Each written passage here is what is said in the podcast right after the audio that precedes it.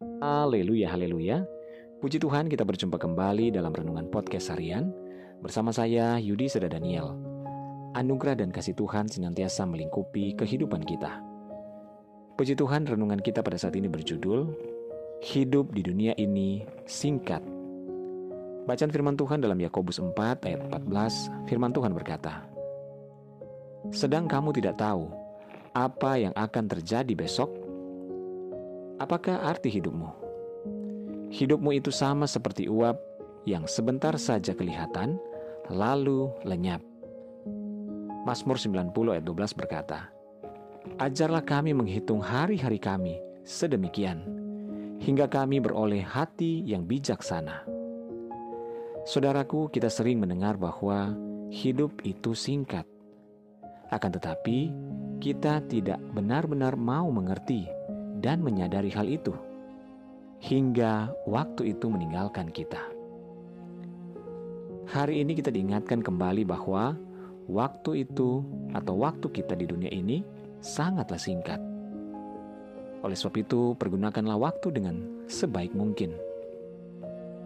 Akan tetapi dunia ini bukanlah satu-satu tem satu-satunya tempat kehidupan untuk kita. Karena kita diciptakan untuk kehidupan yang kekal, yaitu di surga.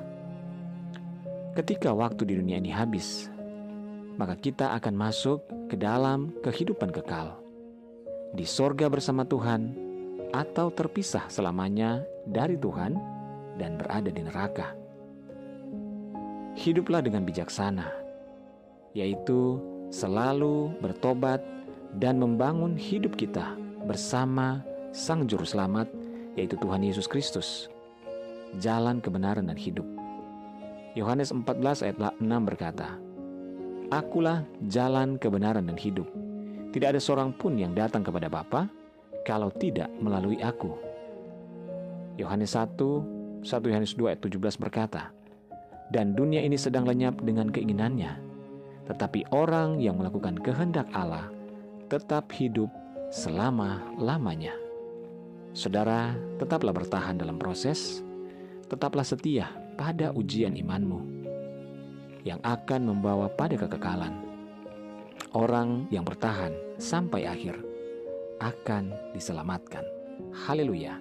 Tetaplah bersuka cita, tetaplah bersemangat menjalani hari-hari kita. Percayalah bahwa ada Tuhan yang selalu bersama dengan kita, dan tetaplah hidup setia, karena kita akan bersama dengan Tuhan nanti di kehidupan kekal, yaitu di surga. Haleluya! Mari kita berdoa. Tuhan Yesus terima kasih buat firman-Mu pada saat ini.